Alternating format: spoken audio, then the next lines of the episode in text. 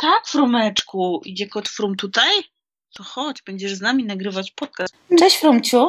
Frumek, zobacz. Cześć. Jakbyś tam miała jakiś koci przysmak i byś nim pomachała, E, to przypuszczam, zauważył. To No jest tak. jednak.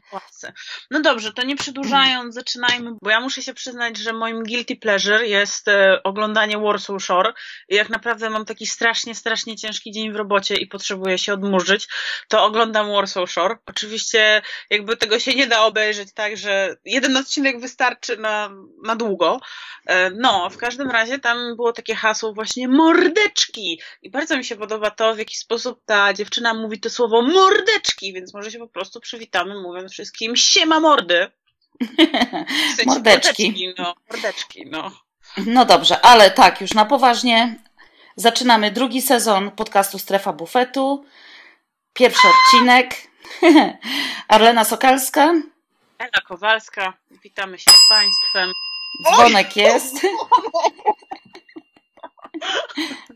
No i y, przygotowałam sobie całą miskę pomarańczy, bo czekam na jakiś coming out. To ja ci mogę zaśpiewać taki refren piosenki. Szafa gra, meble tańczą, świat jest dziś pomarańczą. No właśnie. Chciałam powiedzieć, że niczego nie piłyśmy. Ja jestem po pracy w ogóle. Tak. Też, absolutnie tak. Ja teraz cały czas jestem w pracy. No dobrze, ale to już nie przedłużając, e, no kurczę, no coming out trzeba w końcu zrobić. Już tak chyba wszyscy wiedzą, więc ja nie wiem, czy to jest jakiś tam jakiś specjalny coming out, ale tak to się stało. E, Moje serce jest w kolorze pomarańczowym. Od tego sezonu. Bardzo mocno, tak, pomarańczowe. Czyli y, nie owijając w bawełnę, jesteś y, rzeczniczką prasową CCC Development Team. Tak, ja po prostu potwierdzę, bo jednak ten coming out był chyba tak e, emocjonujący, że, że no, dobrze, że bo ja się trochę, taka jestem skromna. W sensie bardzo się cieszę, bo jest super robota i w ogóle jest e, zaje fajnie i tak dalej, natomiast no tak, No dobrze, to może powiesz o sukcesach y, swoich podopiecznych, niejako w Turcji. moich podopiecznych, to tak zabrzmiało. Medialnych podopiecznych. Moich medialnych podopiecznych. E, No tak, byliśmy w Turcji, to był już drugi obóz e, przygotowawczy połączony z takimi pierwszymi startami. E, Były trzy wyścigi, dwie jednodniówki, jedna etapówka. Na tych pierwszych dwóch wyścigach mieliśmy na początku dwa miejsca w pierwszej piątce, to był Patryk Stosz czwarty i Kamil Małecki piąty, to było Grand Prix Gazi Pasa, a dzień później Patryk Stosz finiszował na trzecim miejscu w Grand Prix Alania. No i pod koniec, tak, to było pod koniec miesiąca, pod koniec lutego mieliśmy jeszcze etapówkę Tour of Antalya. Tam nasz zawodnik, e, zresztą bardzo utalentowany Węgier Attila Walter zajął trzecie miejsce w generalce, a wygrał Szymon Rekita, więc też taki polski, polski akcent. Bardzo się ucieszyłam e, z tego dobrego miejsca Rekity, bo uważam, że to jest obiecujący kolarz i chyba będą z niego ludzie. No, ja rozmawiałam z Szymonem Po i on tak jest taki woli chyba nie zapeszać. No ale To pewnie. już jest jego jakby pierwsza etapówka wygrana e, w, w karierze, ale też drugi sukces w tym sezonie, bo on parę tygodni wcześniej, czy nawet kilkanaście dni wcześniej wygrał jakiś klasyk na, czy jednodniówkę wygrał na Majorce. Bardzo się też ucieszyłam ze zwycięstwa etapowego Przemysława Kasperkiewicza w Rwandzie dalekiej. Mm, Tak, to jest bardzo daleko. Ostatnio moje telefony oba zwariowały i pokazywały mi lokalizację właśnie Kongo. Nie O. wiem czemu. Ja mam taki trochę problem delikatny z Rwandą, y, związany z tym, że mm, tam od wielu lat rządzi prezydent, który co prawda powstrzymał te słynne ludobójstwo pomiędzy Tutsi i Hutu. Doprowadził do tego, że y, nie wolno w tym kraju używać y, absolutnie określeń y, związanych z przynależnością plemienną. No ale z drugiej strony ten Paul Kagame to jest taki trochę dyktator. Niektórzy mówią, że to taki absolutyzm demokratyczny, czy raczej niedemokratyczny. On wygrywa wybory, zdobywając 99% głosów, więc to już tak od razu wiadomo, czym to pachnie. A z drugiej strony Rwanda ma się znacznie lepiej niż kilka okolicznych krajów afrykańskich y, wokół tych sąsiednich, więc y, no to tak, takie mam trochę mieszane uczucia. Zawsze wspominam o takich rzeczach, bo no to tak jak na przykład było w kwestii Izraela i, i Giro d'Italia, gdzieś ta polityka też się ociera o te wyścigi kolarskie. Polityka zawsze się chyba będzie ocierać o wyścigi kolarskie, jeśli one będą organizowane w takich dosyć, można powiedzieć, kontrowersyjnych miejscach, bo to przecież nie dotyczy tylko Rwandy, to, to też nie dotyczy tylko Izraela, ponieważ może to też dotyczyć chociażby wyścigów organizowanych na początek sezonu tych w krajach arabskich. To też przecież są raczej takie kraje budzące kontrowersje z tych powodów, o których wspomniałaś, tak? No daleko nie szukając, chociażby również Turcja, prawda? To również to jest prawda. taki kraj, co do którego można mieć y, wątpliwości i to spore. No ale dobrze, wracając y, do kolarstwa, to mieliśmy już wyścigi w Europie. Takie już poważne. Omlop. Zawsze czekam na ten omlop. Mi to wczoraj serce bardzo po prostu rozdarte. O Jezu, aż sobie słuchawki zerwałam. Prawdę powiedziałam. No, serce wczoraj po prostu biło szybciej i było rozdarte i w ogóle i to jeszcze jak rozdarte. Och. Natomiast. E, Musicie nam wybaczyć, bo ten podcast będzie na, taki, na taką rozbiegówkę, więc będzie bardziej lightowy troszkę. Tak, ja w ramach lightu y, przytoczę, mm, a propos tego omlopu, y, przytoczę Daniela Fribe, takiego bardzo znanego dziennikarza kolarskiego, który sklasyfikował to w ten sposób, że początkujący mm, w kolarstwie mówi, o jak fajnie jest. Omlop, zielony pas mówi mm, prawdziwy start sezonu, to ja, powiem szczerze, zawsze uważam omlop za prawdziwy start sezonu. Taki y, klub klas mówi, masz na myśli Netfolk, bo tak się kiedyś nazywała ta gazeta, która organizowała ten wyścig srebrny medal, czyli taki prawie mistrz mówi, chciałbym zobaczyć e, replay e, Vanderbruka e, z 99 roku, a co mówi poziom Jedi, czyli ten taki najwyższy, najwyższy, najwyższy. Oglądam Rwandę na streamach. No, ale jakby oglądanie na streamach wcale nie jest śmieszne. Ja to powiem ze swojego doświadczenia i oglądanie dwóch tureckich wyścigów na streamach jednodniowych wcale nie było śmieszne.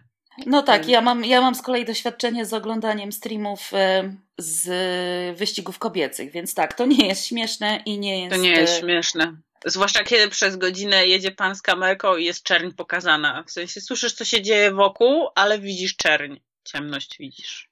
Tak, na przykład, tak. Nie wiadomo, co z tym zrobić, nie? Tak, to wtedy się dzwoni do dyrektora sportowego po prostu.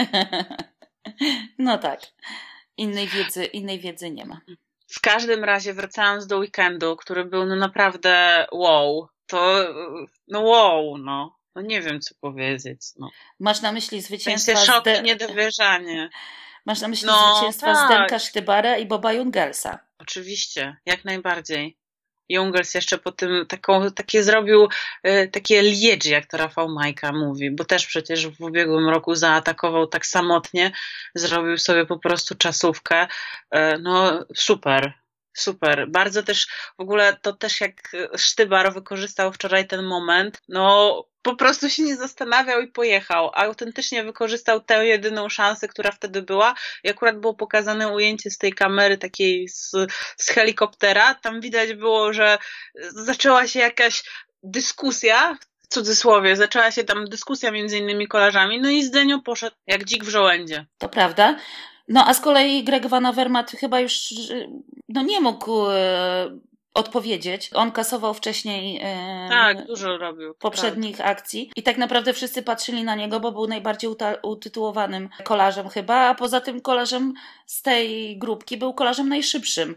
W związku z tym wszyscy wiedzieli, że jeżeli przyszłoby do e, finiszu z grupki, no to Van Avermaet prawdopodobnie by wygrał. No i drugie miejsce, więc w tej klasyfikacji CCC Team jest e, dość odległy, na dość odległym miejscu, jeśli chodzi o liczbę zwycięstw. E, natomiast no to trzyma, a obiecali prezesowi Miłkowi, że będzie 20.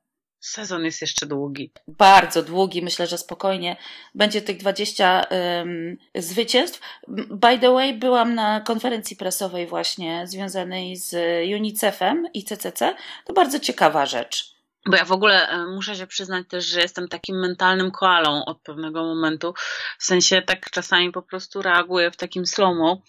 I tak, była rzeczywiście, była konferencja, był prezes Miłek, byli przedstawiciele UNICEF-u, I dla tych, którzy nie wiedzą, a pewnie i tak już wszyscy wiedzą, sytuacja wygląda następująco, to że za każdy przejechany kilometr na treningu czy na wyścigu od grupy kolarskiej CCC pójdzie 1 dolar za każdy przejechany kilometr. Czy to na treningu, czy to na wyścigu. Więc jest motywacja. Tym jest bardziej, mo że za tego jednego dolara można naprawdę zrobić bardzo dużo. Jeden dolar to jest 4 zł i za to 4 zł można kształcić dziecko przez tydzień. Ja bym w życiu nie powiedziała, że za 4 zł można zrobić tyle dobrego. W takich krajach, które graniczą z Rwandą, bo podejrzewam, że akurat w Rwandzie być może taka pomoc jest niepotrzebna. Natomiast tam padło fajne wyliczenie, że za przejechanie Tour de France y, team odprowadzi pi razy drzwi, chyba tam 27 tysięcy dolarów i to wystarcza na kształcenie dzieci przez 800 dzieci przez rok. I to już jest taka naprawdę poważna pomoc.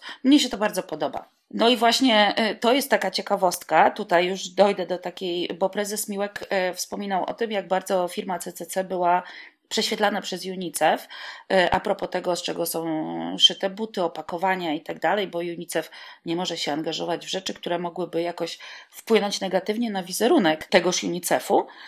No i między innymi prezes Miłek wspomniał, że absolutnie mowy nie ma o dopingu.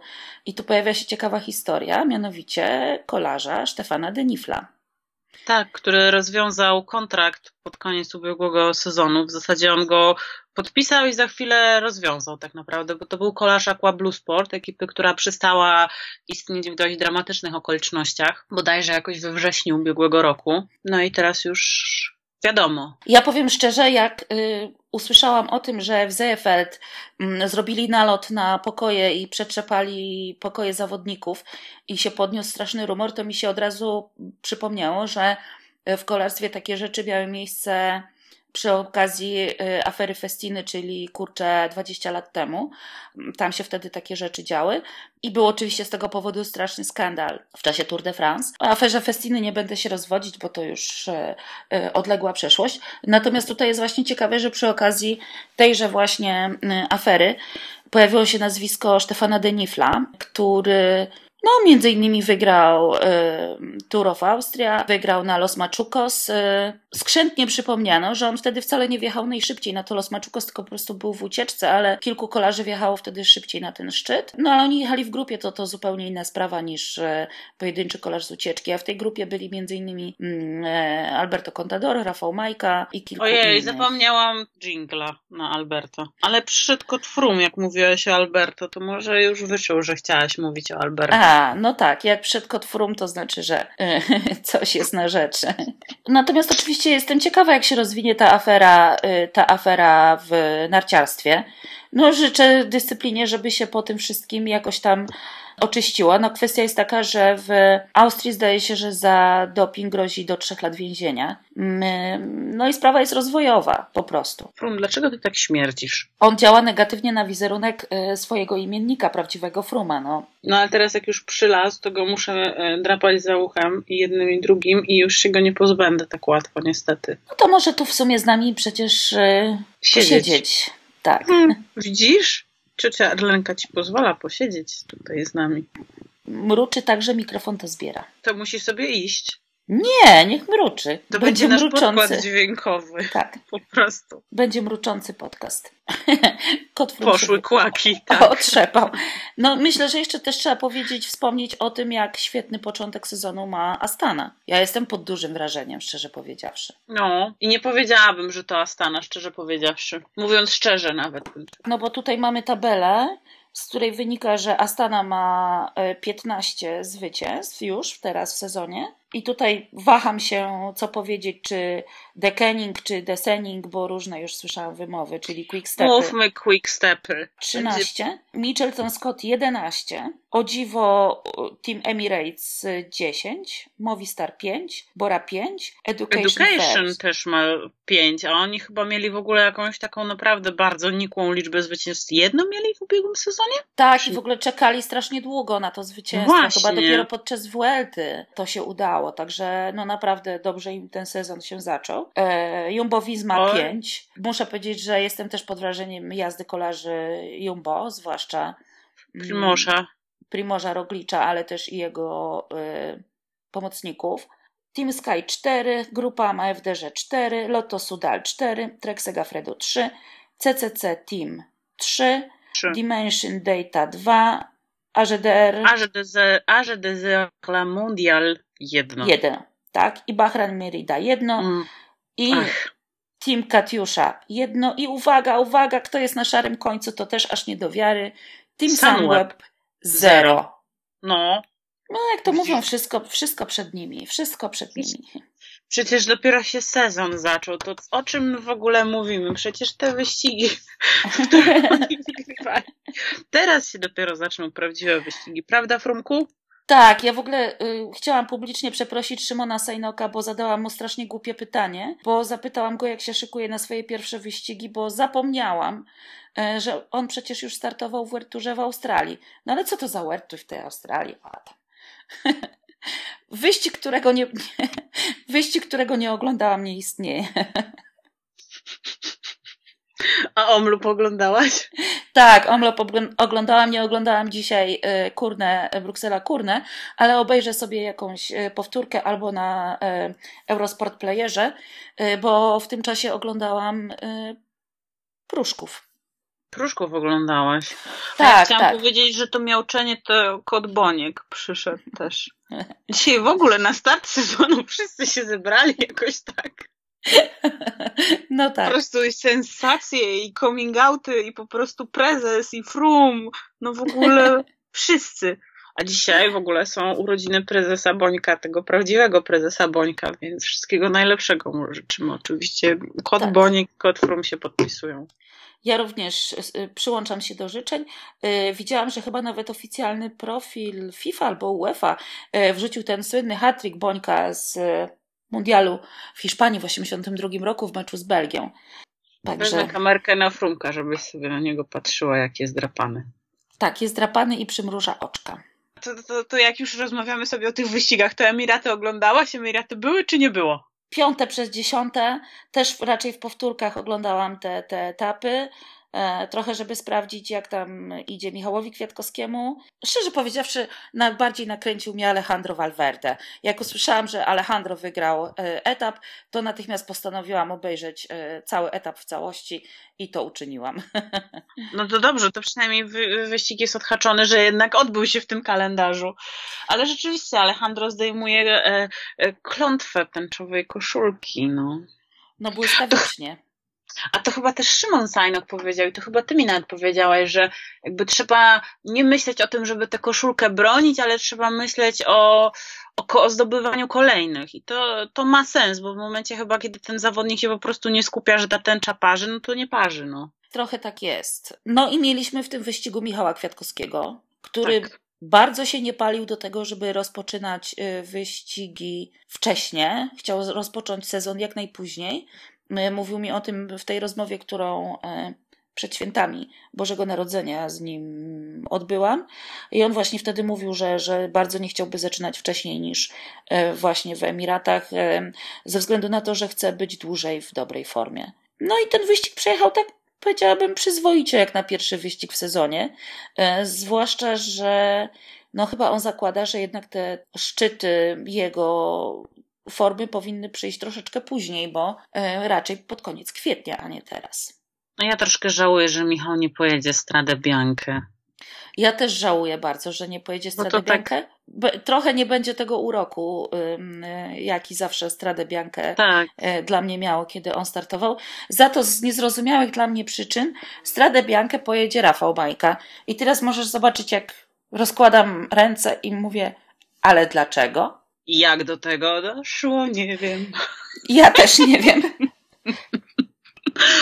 Może po prostu chodziło o termin y, tego wyścigu, ponieważ z tego co kojarzę, to potem Rafał Majka będzie jechał Tirreno Adriatico i to może być taki dobry, dobra rozbiegówka do tygodniówki. Y, chyba tylko, chyba tylko tak, bo y, Michał Kwiatkowski wyrusza z kolei mm, w podróż ku Słońcu. Nie wybiera się do Szczecina, gdzie jest ulica ku Słońcu, tylko właśnie jedzie do mm, Paryża i stamtąd ruszą do Nicei. Bardzo lubię Paryż-Nicea zresztą.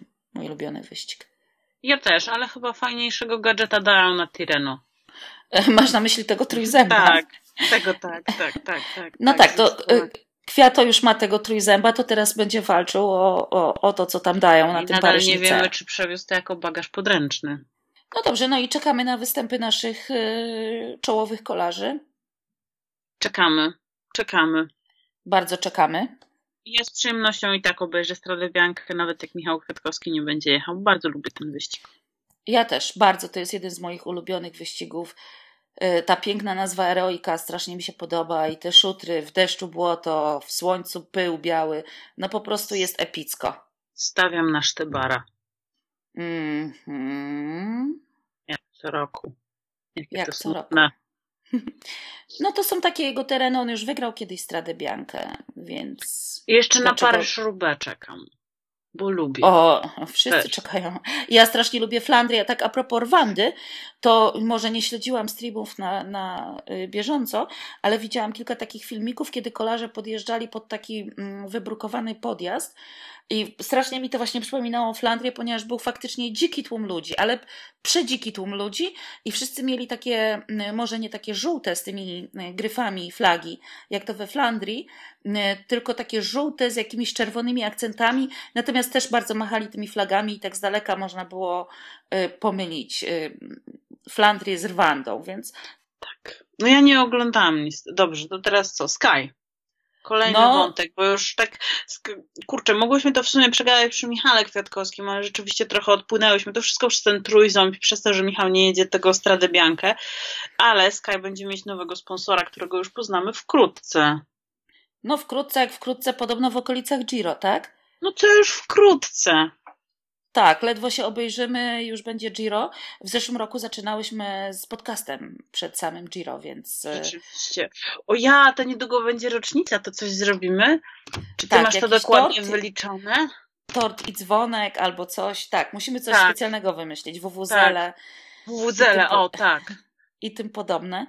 Mm, Albo możemy zrobić po prostu nagranie z wideo i z kotem Frumem i kotem Bońkiem. O, na przykład, tak. No, Takiego live'a, takiego live'a mogłybyśmy. Coś pomyślimy specjalnego, rzeczywiście wymyślimy. tak, na rocznicę. Na E, rocznicę. e, ta, tak ciekawie przy okazji, tam jak e, Michał startował w Emiratach, to udzielił ciekawego wywiadu, gdzie właściwie on Znaczy, tak ja mam- zawsze... No, Bo to już jakby, to chyba nie jest jakby tajemnica, w sensie od jakiegoś czasu. No tak, tak, właśnie y, chodzi mi o to, że to miałam właśnie powiedzieć, że e, on może zawsze to mówił, tylko aż nie tak, takimi otwartymi słowami. Albo e, e, po angielsku może zabrzmiało to tak bardziej, po polsku to można tak trochę zawinąć w bawełnę, prawda? Wiele rzeczy, No, bo nasz język jest taki to- opisowy. Tak, Tak, dużo rzeczy można owinąć w bawełnę. Tak. A tu po angielsku może jak, jak Michał Kwiatkowski się wypowiadał, to może to właśnie wybrzmiało tak bardziej i bardziej. Krótko mówiąc, idzie drogą Geraint'a Tomasa. I nastała taka niezręczna cisza. No co, no idzie drogą Geraint'a Tomasa. Myślę, że Geraint Thomas jest dla niego inspiracją jakąś tam, że taki kolarz jak Geraint Thomas mógł wygrać Tour de France, to tym bardziej y, może to uczynić Michał Kwiatkowski. Myślę, że każda inspiracja jest dobra. Każda inspiracja jest dobra, absolutnie się z tym zgadzam.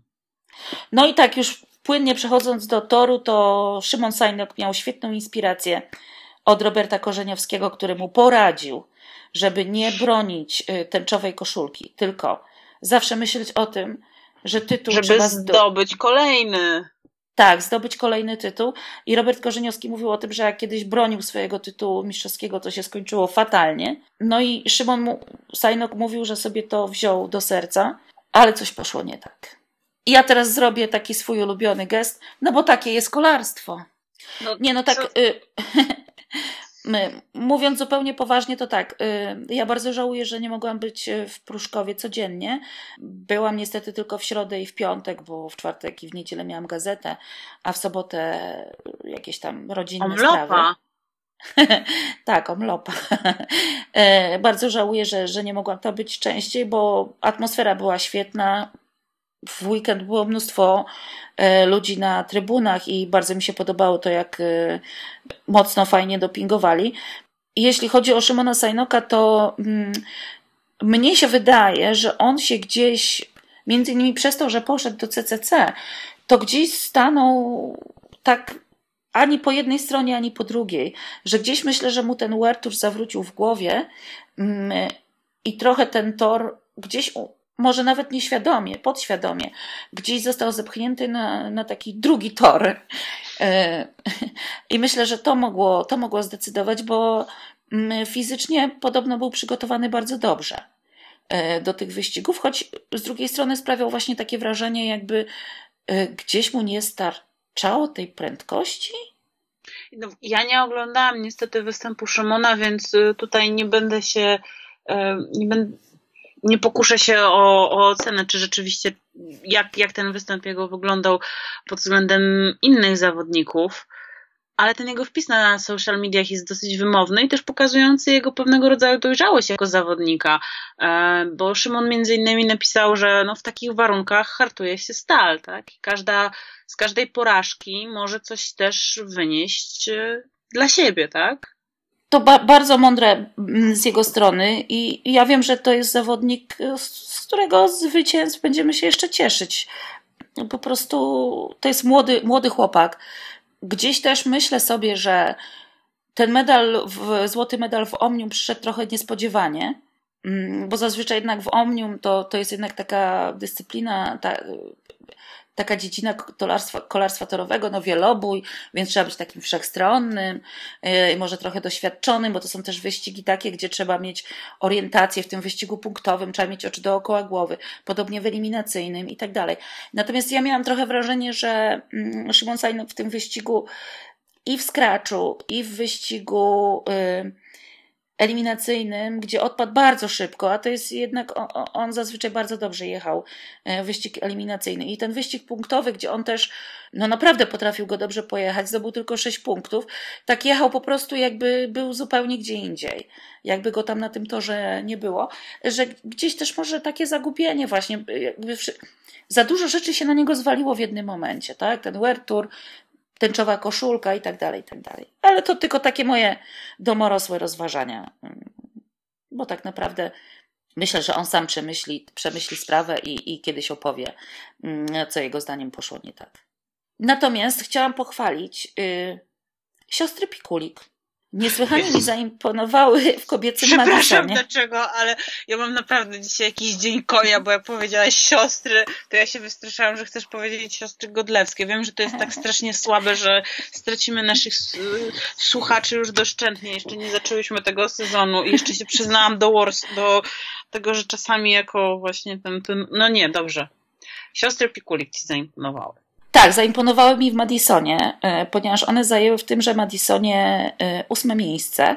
One jechały dopiero tak naprawdę czwarty raz ze sobą, a to jest taka dyscyplina, gdzie jest ważna nie tylko noga, ale jest również ważne to zgranie, jest również ważne e, właśnie orientacja w tym peletonie i tak dalej, i tak dalej. One są bardzo młode obie, bo Daria ma chyba 22 lata, a Wiktoria 20.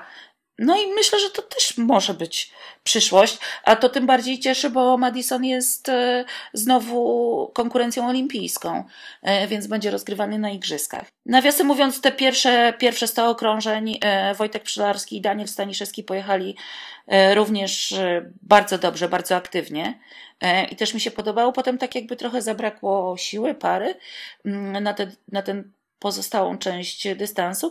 No i strasznie mi było żal Wojtka Pszczlarskiego, który po prostu no, o włos od brązowego medalu i tak potem sobie nawet wyrzucał, mm, że, że mógłby pojechać odrobinkę inaczej i miałby ten e, brązowy medal. No nie udało mu się niestety powtórzyć e, sukcesu z 17 roku, z tego co pamiętam, kiedy też miał brązowy medal. No i, I z... z jednym medalem z Mateuszem Rudykiem. No i w sumie wypadamy gorzej niż tak naprawdę przed rokiem, bo wtedy też mieliśmy jeden medal, ale za to złoty. Mm, tutaj mamy jeden medal, ale brązowy. I takie mam poczucie, że to trochę nie jest cała prawda o polskim kolarstwie torowym. Że gdzieś właśnie ściany nie pomogły o dziwo, a podobno ściany pomagają gospodarzom, a tutaj nie pomogły. Pecha miała Justyna Kaczkowska, która się tak wywaliła w tym skreczu e, i tam cały team powtarzał, cały polski boks mówił, że jednak no, trzeba patrzeć pozytywnie, że nic jej się nie stało. Tyle tylko, że e, Justyna Kaczkowska złamała rower zmontowali jej rower no tak trochę od nowa, pewnie z jakichś elementów. I jak słyszałam w polskim boksie, miała na tym rowerze prawie taką samą pozycję, a w jej dyscyplinie to prawie, to po prostu robi gigantyczną różnicę. No po prostu gigantyczną. To jest akurat w wyścigu na dochodzenie to jest wyścig zbrojeń technologiczny i tak dalej. I mam wrażenie, że my tutaj też trochę niestety odstajemy. Właśnie miałam to powiedzieć, że też słyszałam takie opinie, że niestety jeśli chodzi o, bo też z paroma osobami rozmawiałam na temat tych mistrzostw świata i też właśnie wspominali o tym, że tutaj są w zasadzie słowa, e, słowa od ekipy polskiej, że jednak technologicznie jest e, przepaść po prostu. Jest bardzo duża różnica. I, I nawet y, słyszałam takie głosy, to chyba było y, w, w transmisji Eurosportu. Y, ktoś mówił, że są kraje, które tych swoich nowinek, które będą ich pomocą technologiczną w czasie Igrzysk w Tokio, to, to oni teraz, nie, nie pokazują. No że je mają, ale nie pokazują. I się zastanawiam, czy na przykład słabe wyniki Brytyjczyków, no bo można powiedzieć, że Brytyjczycy też wypadli tak sobie, jak na swoją siłę i potęgę, e, to wypadli słabiej w tych mistrzostwach świata.